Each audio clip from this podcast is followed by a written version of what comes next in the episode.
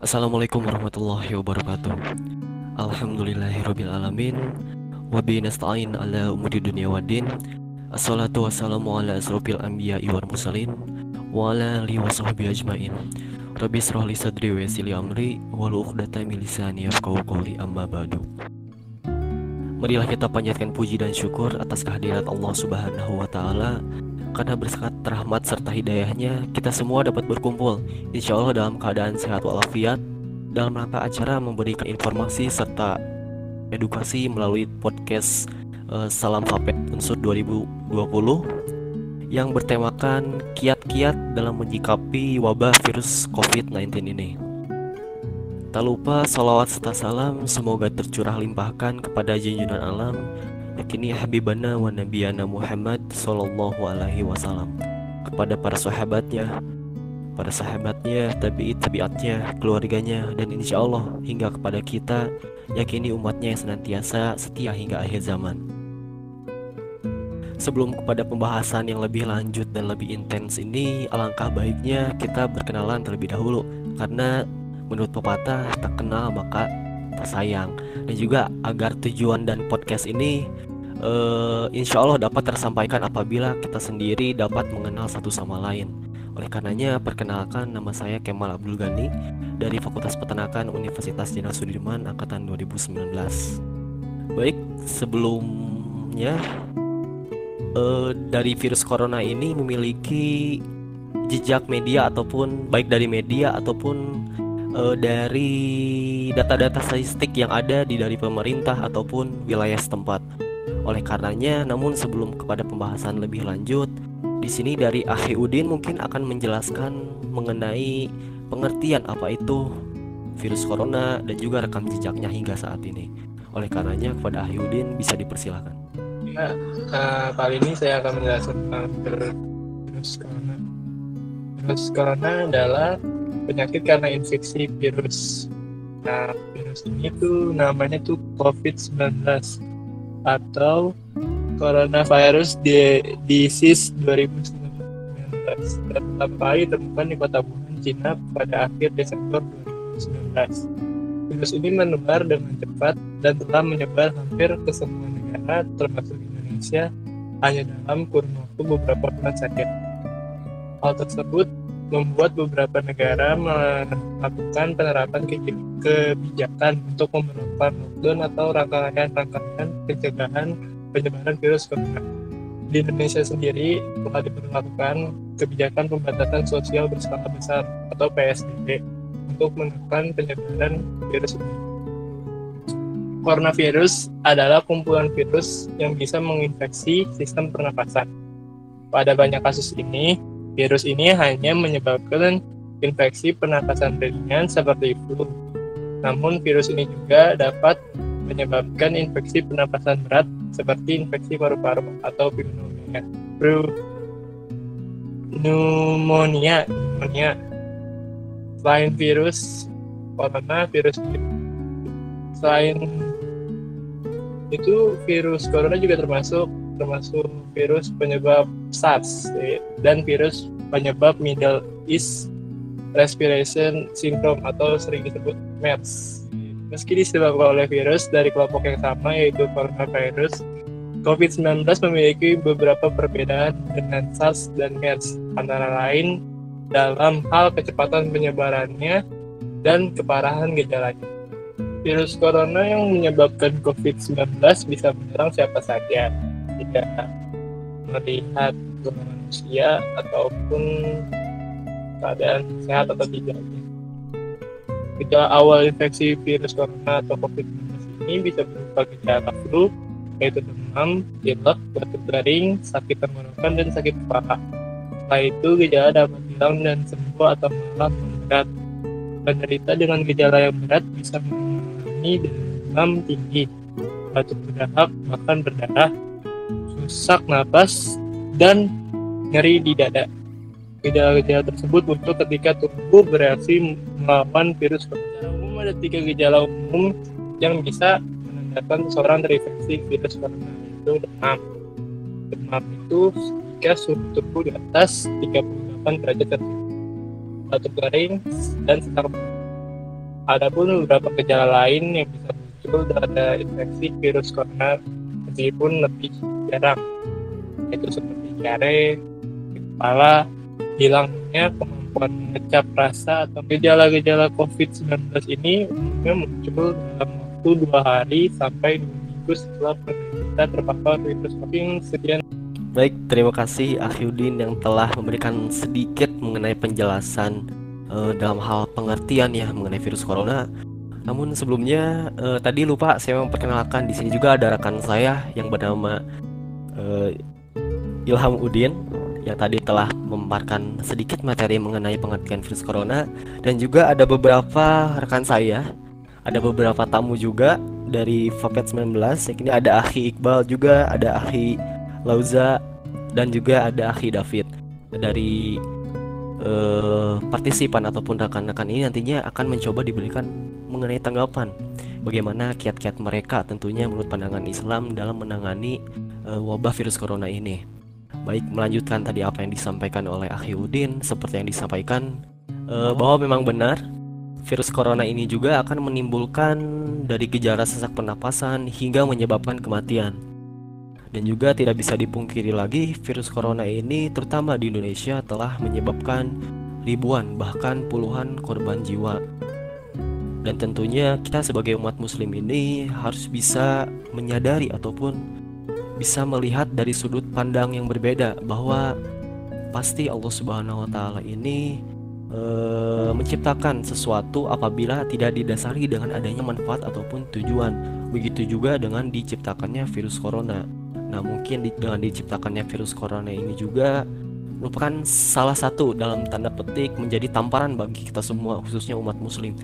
Bahwa kita sebagai umat muslim harus dapat melihat bahwa yang pertama kali kita takutkan adalah bukan terhadap sesama manusia ataupun takut terutama takut terhadap pemerintah dan yang pertama kita harus takut adalah takut akan kebesaran dan kekuasaan Allah Subhanahu wa taala. Dan apabila kita juga melihat dari sisi luasnya dunia ini, di sini banyak negara yang memiliki perekonomian yang kuat, politik yang hebat, bahkan militer yang mumpuni. Dan ketika mereka dijatuhkan oleh Allah Subhanahu Allah Subhanahu wa taala dengan berupa virus yang sangat kecil, mereka akhirnya tidak tidak bisa apa-apa. Oleh karenanya, ini juga bisa menjadi bahan ajaran untuk kita semua agar kita lebih mensyukuri nikmat yang diberikan Allah Subhanahu wa taala. Dan oke okay, untuk selanjutnya tentunya kita sebagai umat Islam ini memiliki uh, kiat-kiat ataupun sikap-sikap dalam menanggulangi dan juga menyikapi adanya pandemi virus corona ini. Tentunya sesuai dengan ajaran-ajaran Islam. Nah, untuk yang pertama, kita harus bisa senantiasa meminta perlindungan kepada Allah Subhanahu wa taala. Karena virus corona juga sama seperti yang telah dijelaskan tadi bahwasanya merupakan makhluk sebagaimana makhluk-makhluk Allah lainnya seperti kita manusia dan ia pun tidaklah bergerak dan ia pun tidaklah bergerak kecuali atas perintah dan izin Allah Subhanahu wa taala yang menciptakannya. Dan oleh karenanya merupakan langkah yang tepat ataupun merupakan langkah yang benar apabila kita berlindung dari wabah ini kepada Allah Subhanahu wa taala sebelum kita berlindung kepada kemampuan diri kita sendiri ataupun kemampuan makhluk lainnya. Dan Allah Subhanahu wa taala juga mengingatkan bahwa sebaik-baiknya pelindung dan sebaik-baiknya penjaga adalah Allah Subhanahu wa taala. Dan berdasarkan firman-Nya dalam Quran surah Yusuf ayat 64 yang berbunyi Auzubillahiminasyaitonirrajim Bismillahirrahmanirrahim Fallahu khairun hafizatu wa huwa arhamur rahim Yang artinya maka Allah adalah sebaik-baiknya penjaga dan dialah maha penyayang di antara para penyayang. Lantas, Berlindung kepada Allah ini juga bisa dilakukan dengan senantiasa membaca doa-doa, baik itu dari doa-doa pelindung yang bersumber dari Al-Quran seperti surat Al-Falaq dan surat An-Nas ataupun dari doa-doa yang bersumber dari Nabi Muhammad Shallallahu Alaihi Wasallam seperti doa yang dianjurkan untuk dibaca di pagi dan petang hari. Yakini Bismillahirrahmanirrahim la yazuru asmiha syai'un fil ardi wala fis sama'i wa huwa alim. Yang artinya dengan nama Allah yang tidak membahayakan dengan namanya segala sesuatu yang ada di langit dan bumi dan ialah maha mendengar lagi maha mengetahui. Itu kiat yang pertama yang harus kita lakukan merupakan yang pertama dan yang paling utama bisa dibilang seperti itu Nah, mungkin dari rekan-rekan sendiri apakah ada eh, kiat-kiat ataupun ada doa-doa khusus selain doa yang eh, tadi telah disampaikan ataupun ada ritual lain? Waduh, ritual lain eh, yang bisa mungkin yang bisa menganggap bak bakal menolak adanya wabah virus corona ini. Mungkin dari rekan Iqbal nih gimana, Bal? Dari akhi Iqbal coba, Bal. Eh, buat itu ya buat kiat-kiat. Paling eh eh, ini kan corona tuh, tuh merupakan suatu musibah. Nah pasti Allah Allah meng- apa mengasih musibah ini tuh ada apanya tuh ada apanya sih namanya tuh? Ada hikmahnya di balik ini tuh. Nah lalu untuk kiat-kiat sendiri eh menurut saya sendiri sudah cukup yang di, sudah, cukup Mas Kemal berikan sudah cukup. Eh, untuk kiat-kiat yang lainnya saya kurang tahu eh, bahwa paling eh, tentang kita apa kalau ada musibah paling doa innalillahi wa inna ilaihi rojiun. Nah paling eh, itu merupakan doa apa namanya tuh doa yang sudah umum nah itu boleh kita lakukan, boleh kita bacakan apabila sedang musibah apa pun. Nah, eh, paling ya gitu doang sih tambahan-tambahan kiat-kiat paling kalau ada setiap musibah atau apa-apa kita selalu ingat pada Allah doa eh, dan berusaha positif Baik, terima kasih Akhi Iqbal. Masya Allah, sungguh penjelasan yang sangat mencengangkan. Eh, terbukti bahwa so- eh, Akhi Iqbal ini merupakan suami idaman. Ya, waduh. Amin ya Allah ya Alamin.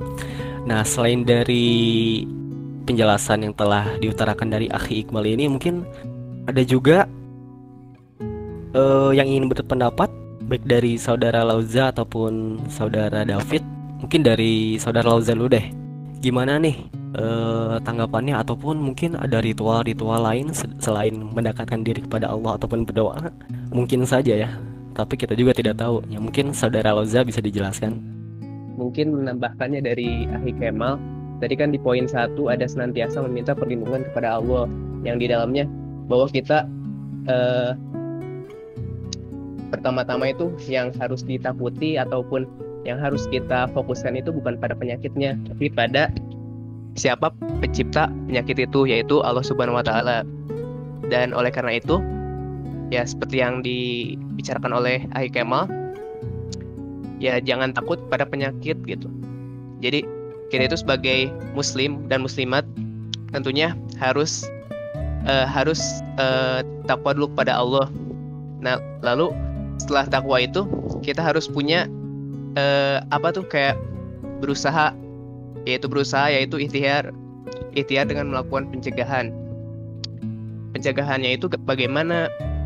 Ya dari pertama misalkan dari diri sendiri misalkan dari kita sendiri itu bisa eh, mengisolasi diri sendiri biar teman-teman yang di luar tidak terkena wabahnya. Nah, tentu teman-teman yang dari luar pun seperti itu, jadi bisa saling menjaga satu sama lain dengan diam di rumah, stay at home, agar virus ini bisa bisa reda dengan atas izin Allah. Begitu mungkin. baik terima kasih kepada Akhi Auza yang telah eh, menambahkan mengenai kiat-kiat dalam menghadapi wabah virus corona menurut pandangan Islam nah tadi udah ada beberapa nih yang mencoba memberikan tanggapan serta menjelaskan nah sekarang dari Akhi Udin sendiri apakah setuju langkah ini kita lakukan ataupun memang ada langkah lain yang sebaiknya kita dahulukan terlebih dahulu nih? Gimana menurut Akhi Udin? Saya sendiri boleh menambahkan nggak? Boleh boleh bang. Pengen nambahin? Boleh ya. Boleh ya. Eh, yang pertama pasti buat apa? Untuk mencegah. Pertama tuh kita pasti selalu ingat yang pertama betul kata Mas. Mas Usa eh, kita harus eh, eh, taat pada Allah ingat takwa kepada Allah takut. Harus takut dulu kita tuh. Bukan karena takut adanya corona ini tetapi kita harus lebih taat kepada Allah Subhanahu wa taala. Dan ke yang kedua pemerintah telah melakukan apa kebijakan PSBB eh, apa namanya tuh stay home diam di rumah. Nah eh, untuk untuk orang-orang masyarakat luas juga harusnya seharusnya harusnya memat- mematuhi sebagaimana eh, dalam potongan eh, dalam art- potongan ayat dalam Al-Qur'an yang artinya hai orang-orang yang beriman taatilah Allah dan taatilah Rasul dan ulil amri atau pemimpin di antara kamu. Kemudian jika kamu berbeda pendapat dengan sesuatu, maka kembalilah kepada Al-Qur'an dan Rasul. Jika kamu beriman kepada Allah dan hari kemudian yang demikian itu lebih utama dan lebih baik akibatnya.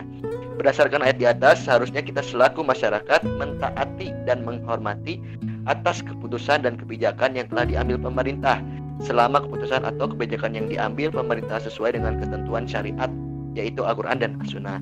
Dan menurut al menurut potongan ayat tersebut, kita juga selaku apa selaku manusia, selaku masyarakat umum harusnya lebih memat mematuhi juga apa yang apa yang di eh, diperintahkan oleh pemerintah. Mer- karena pem- pa- eh, apa perintah tersebut tuh merupakan salah satu cara pemerintah untuk eh, menanggulangi Covid. Jangan sampai ada yang masih mengabaikan anjuran pemerintah. Nah itu merupakan eh, menurutku zolim juga sih. Maksudnya nggak nggak apa nggak mentaati aturan yang diberikan oleh pemerintah. Nah itu mesti saran buat masyarakat umum ya. Sekian. Nah, baik. Terima kasih kepada Ahi Iqbal yang telah menambahkan super sekali ini jawabannya. Dan juga eh, berdasarkan penjelasan yang telah disampaikan oleh Ahi Iqbal ini benar sekali adanya bahwa tadi poinnya ini eh, bisa termasuk ke dalam poin yang disampaikan oleh Akhi Uza. Akhi Lauza yakni berikhtiar dengan melakukan pencegahan yang termasuk dalam ikhtiar ikhtiar skala berjamaah yakini bisa dilakukan dengan cara melakukan pencegahan-pencegahan ini seperti PSBB ataupun lockdown. Dan hal ini juga bisa saja termasuk dalam makna habis hadis Nabi Shallallahu Alaihi Wasallam yang artinya adalah apabila kalian mendengar tentangnya wadah wabah penyakit di sebuah tempat, maka janganlah kalian masuk ke dalamnya. Dan bila kalian berada di dalamnya, maka janganlah kalian keluar daripadanya sebagai bentuk lari daripadanya berdasarkan hadis riwayat Bukhari dan juga Muslim. Nah, mungkin salah satu langkah dari pemerintah dengan eh, diadakannya lockdown dan juga PSBB ini juga insya Allah merupakan langkah yang tepat karena apabila dimaknai hal ini juga telah eh, didasarkan atas dasar hadis dari Nabi Muhammad SAW dan kita juga sebagai warga sipil harusnya benar harus bisa mematuhi pemerintah dan juga kita harus tetap positif thinking kepada pemerintah. Insya Allah dengan adanya langkah tersebut, kita sebagai warga sipil dapat membantu eh, terlaksananya program pemerintah ini sehingga insya Allah wabah corona ini akan cepat selesai dan juga hilang dari Indonesia Raya tercinta ini. Nah tadi udah beberapa kiat-kiat yang telah disampaikan. Nah untuk yang selanjutnya ini juga ada kiat-kiatnya lagi yakni bertawakal kepada Allah Subhanahu wa taala.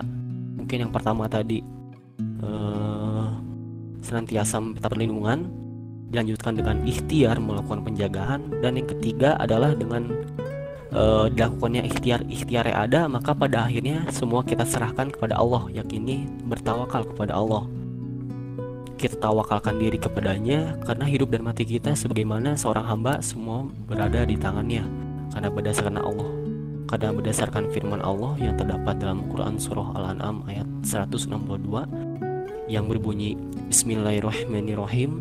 Qul inna solawati wa nusuki wa mahyaya wa mamati lillahi rabbil alamin. Yang artinya Katakanlah wahai Muhammad Sesungguhnya salatku, ibadahku, hidupku dan matiku hanyalah untuk Allah Tuhan seluruh alam Nah, dan perlu kita ketahui juga bahwa seorang hamba akan tetap hidup bila mana memang ajalnya belum datang dan bila virus corona ada. Dan bahkan bila virus corona ataupun virus lain yang lebih ganas daripada itu menyakitinya namun bila memang ajalnya jangankan virus corona atau yang lebih dari itu bahkan digigit semut pun seorang bisa mati jikalau memang ajalnya telah tiba. Itu kiat yang selanjutnya menurut pandangan Islam yakini bertawakal kepada Allah setelah kita percaya akan kedahsyatan Allah SWT lantas kita berikhtiar lalu kita bertawakal. Dari pembahasan tersebut mungkin eh, ada beberapa tanggapan ataupun ada hal yang ingin disampaikan dari saudara David nih dari tadi belum kita sapa dari tadi gimana nih? David nih apa ya ada yang ingin disampaikan? Iya, makasih dari Mas Kemal atas waktunya. Eh, dari saya sendiri ya, menurut saya tawakal itu sesuatu yang sangat penting buat kita seorang Muslim. Tapi dalam tawakal itu sendiri tidak luput kita juga harus berikhtiar. Karena juga tawakal saja tidak dapat menjamin kita untuk bisa benar-benar eh, selamat menurut saya. Jadi tetap ada ikhtiar seperti eh, dalam apa itu namanya Eh, dalam pepatah yang mengatakan bahwa eh, ikat ikatkanlah ontamu terlebih dahulu barulah bertawakal. Jadi tetap ada ikhtiar terlebih dahulu sebelum kita semuanya berpasrah bertawakal kepada Allah ya menurut saya eh, itu sih tambahan dari saya sedikit tambahan dari saya. Baik terima kasih kepada Akhi David yang telah mencoba menanggapi. Masya Allah jawabannya sangat menyentuh sekali bahwa eh, emang sebelum tawakal kita emang harus ada ikhtiar terlebih dahulu. Karena seperti pepatah bersakit-sakit dahulu bersenang-senang kemudian.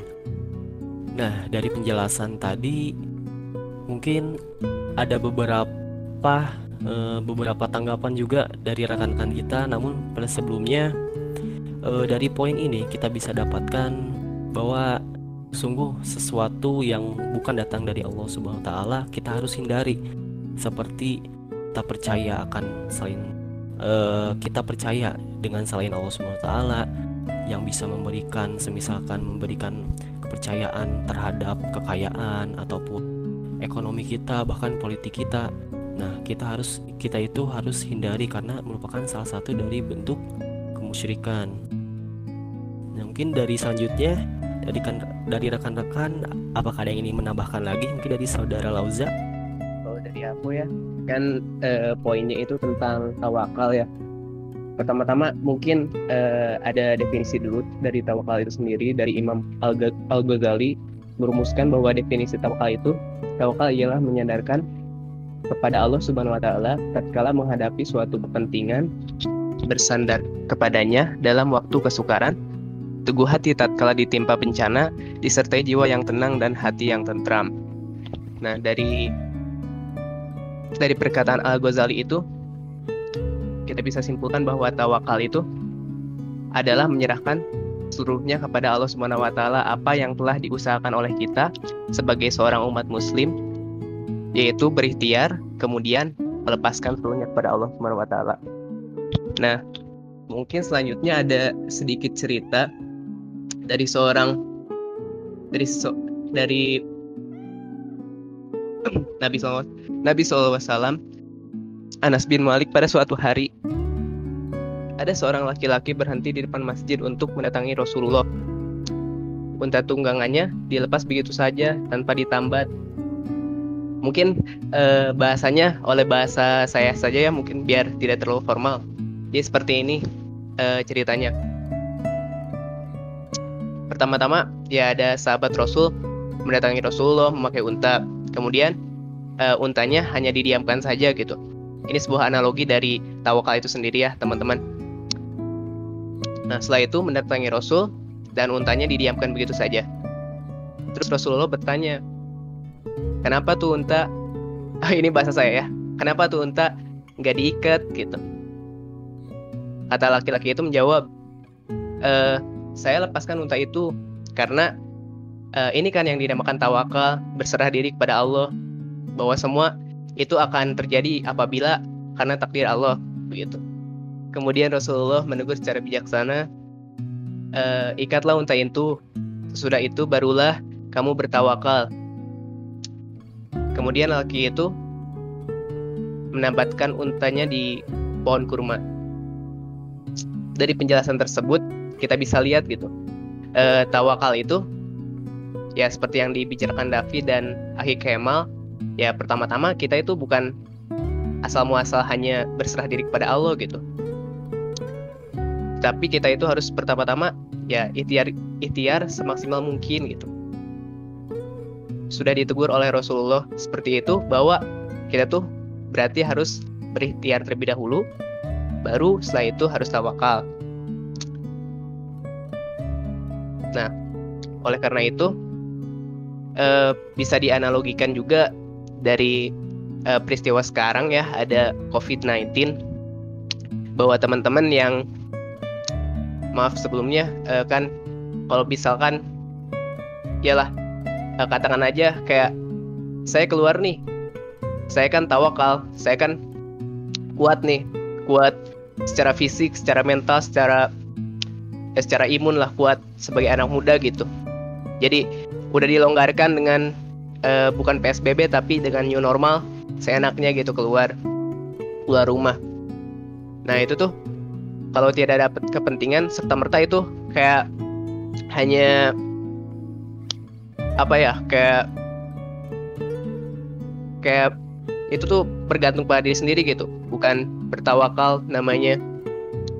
Jadi eh, maksud dari saya itu ya pertama-tama kalau misalkan keluar sesuai dengan aturan pemerintah yang pertama-tama harus punya kepentingan tersendiri yaitu misalkan punya pekerjaan ataupun eh, ada kepentingan yang tidak bisa tidak bisa dilewatkan kayak gitu. Jadi buat teman-teman stay safe. Buat eh, kalau ada kerjanya ataupun kegiatannya supaya eh, COVID-19 ini bisa mereda dan dan juga ya insya Allah cepat hilang dengan izin Allah. Begitu mungkin. Terima kasih Terima kasih kepada Hilza. Insya Allah amin ya Allah ya alamin. Wabah Covid akan segera segera hilang dari muka bumi ini. Nah selanjutnya mungkin ada tambahan juga dari Akhi Udin mengenai beberapa poin-poin penting mengenai kiat menghadapi wabah virus corona. Ya udah, eh, saya Iqbal pengen nambahin tentang untuk mengingatkan kepada masyarakat apa masyarakat umum. Jadi eh, Allah Subhanahu wa taala telah berfirman dalam surat Al-Maidah ayat 3, ini firman Allah yang sering kita dengarkan, yang sering saya dengarkan pribadi yaitu A'udzubillahi minasyaitonirrajim. Bismillahirrahmanirrahim. Hurrimat alaikumul maitatu waddamu walahmul hinzir wa ma uhilla lighairillah bihi wal munkhaniqatu wal mauqudatu wal mutaradiyatu wan natihatu wa ma akala sab'u illa ma dakaitum wa ma dubiha ala nusub wa ang tastaqsimu bil azlam.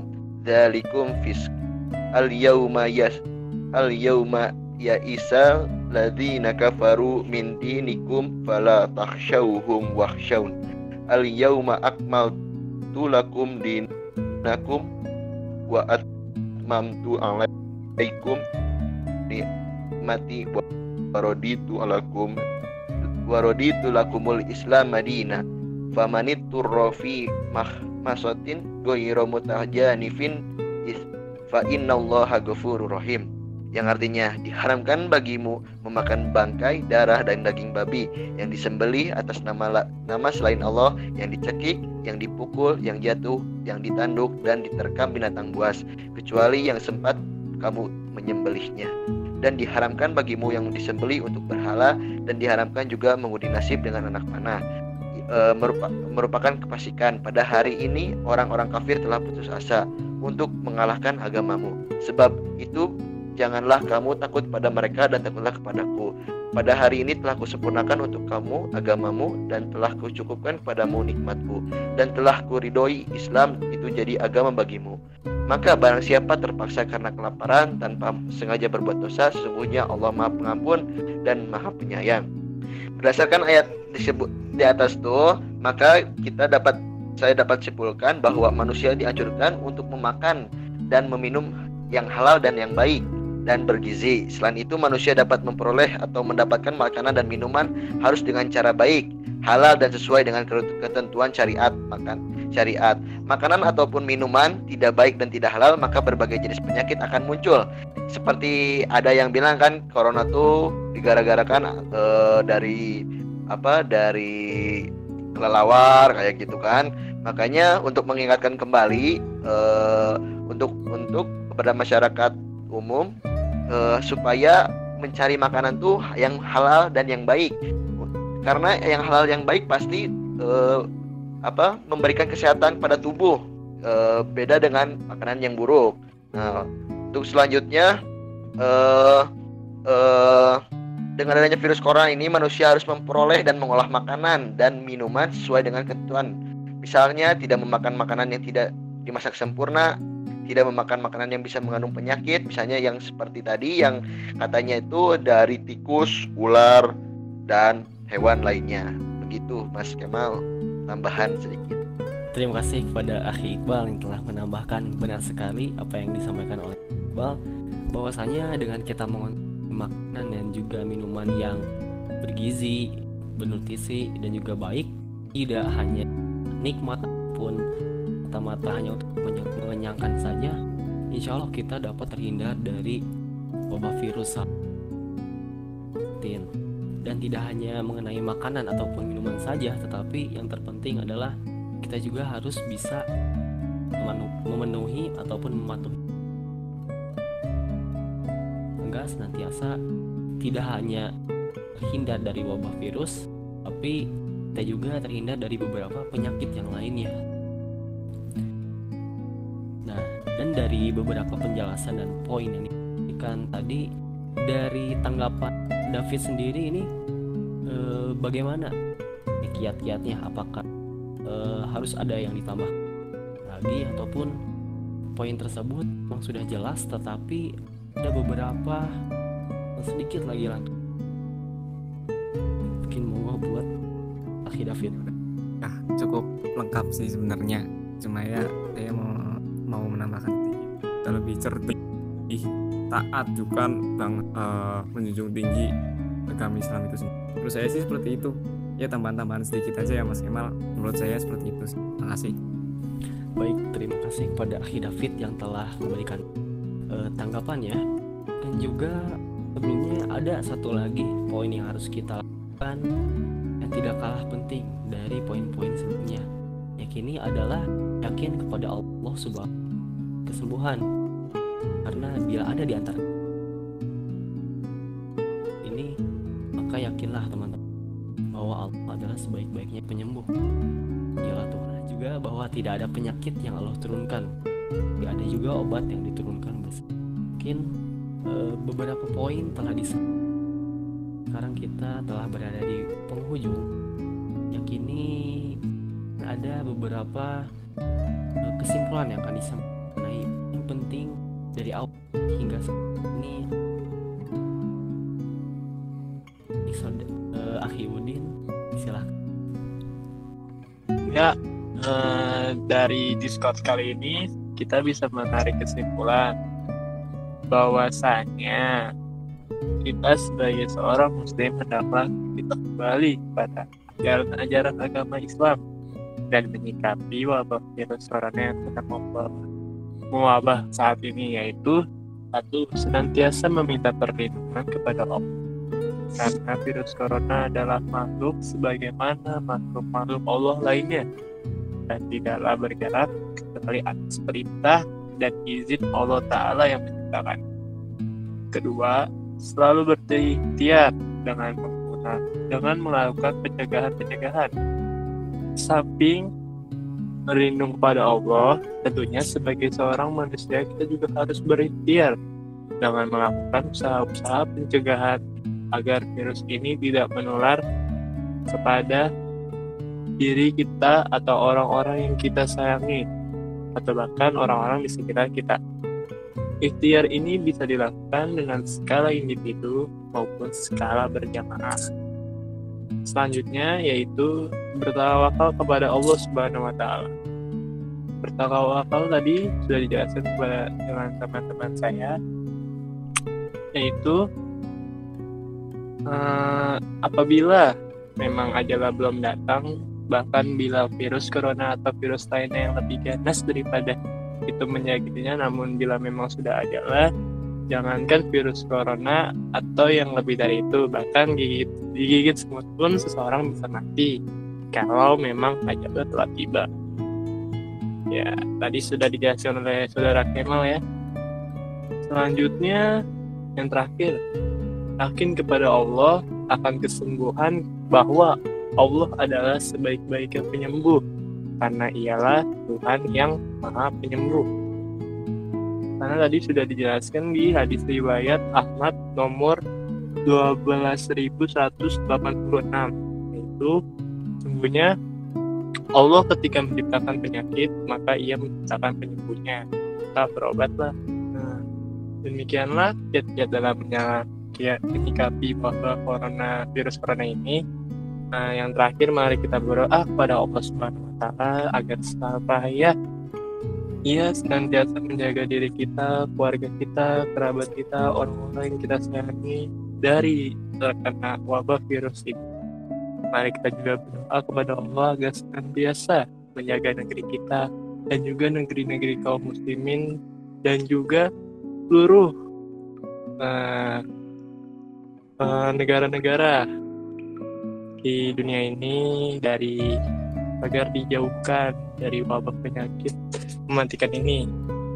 Dan tak lupa juga kita sisipkan doa-doa terbaik kita kepada mereka saudara-saudara kita yang sedang diuji dengan virus ini. Agar Allah Subhanahu wa taala segera menyembuhkan mereka dari penyakit ini. Ya, mungkin yang lain ada yang mau menambahkan kesimpulannya. Baik, terima kasih Akhi Udin. Mungkin cukup sekian kesimpulannya. Tapi sebelumnya saya ucapkan terima kasih juga untuk rekan saya Ilhamuddin yang telah menyampaikan materinya sekaligus menjelaskan dasarnya mengenai virus corona dan juga teman-teman semua rekan-rekan saya. Yakini ada Ahi Iqbal, Ahi Lauza dan juga Ahi David yang telah memberikan tanggapannya serta menambahkan kiat dalam menghadapi wabah virus corona. Berdasarkan pandangan semoga apa yang telah lalu ini dapat memberikan manfaat hanya bagi insya Allah bagi pendengar. Amin ya. Dan juga semoga dengan adanya pencegahan ini kita semua dapat yakin bahwa kesembuhan akan datang bagi mereka. Subhan mungkin sekian yang dapat. Mas Kemal? Gimana Pak? Pengen nambahin dong Oh ya sok sok sok nambahin. Jadi eh, ini mah untuk apa? sem- eh, kesimpulan, maksudnya nambahin buat kesimpulan. Jadi dengan adanya virus corona ini, eh, kita tuh pertama kan tadi saya udah udah bilang sendiri, kita harus mengolah makanan dengan sebaik mungkin, menjadi makanan yang sehat, halal dan baik. Yang kedua tuh eh, adanya virus corona ini eh, menjaga ke- selalu kita harus selalu menjaga kebersihan. Kan udah ada anjuran untuk cuci tangan dan lain-lain. Ber, ber- ber- ber- bersihnya tuh bukan hanya dari eh, kasat mata doang bersih lahir dan batin. Lalu dengan adanya virus corona ini manusia tuh banyak melakukan aktivitas aktivitas positif dan menjauhi aktivitas negatif. Aktivitas positif tuh seperti apa? Seperti berolahraga beribadah dan berobat baik sedekah atau infak kepada orang yang membutuhkan sedangkan akti- aktivitas negatif lainnya tuh minuman keras, perjudian, perzinahan dan aktivitas negatif lainnya. Nah, karena adanya COVID ini eh, semoga semoga eh, aktivitas-aktivitas manusia tuh menjadi lebih baik untuk ke depannya. Terima kasih. Alhamdulillahirobbilalamin. Terima kepada terima kepada Alhamdulillah dasar dari fitnah hingga penjelasannya. Terima kasih juga kepada rekan-rekan yang telah hadir dalam podcast kali ini kepada Akhi Iqbal, Akhi Lauza dan juga Akhi David. Semoga informasi edukasinya dapat kebermanfaatan khususnya bagi diri kita sendiri. Maaf apabila tidak berkenan dalam hati. Mohon maaf atas paham atau ada kata yang tidak pahami. Wabillahi wal hidayah. Wassalamualaikum warahmatullahi wabarakatuh. Sampai jumpa kembali di podcast salam selanjutnya.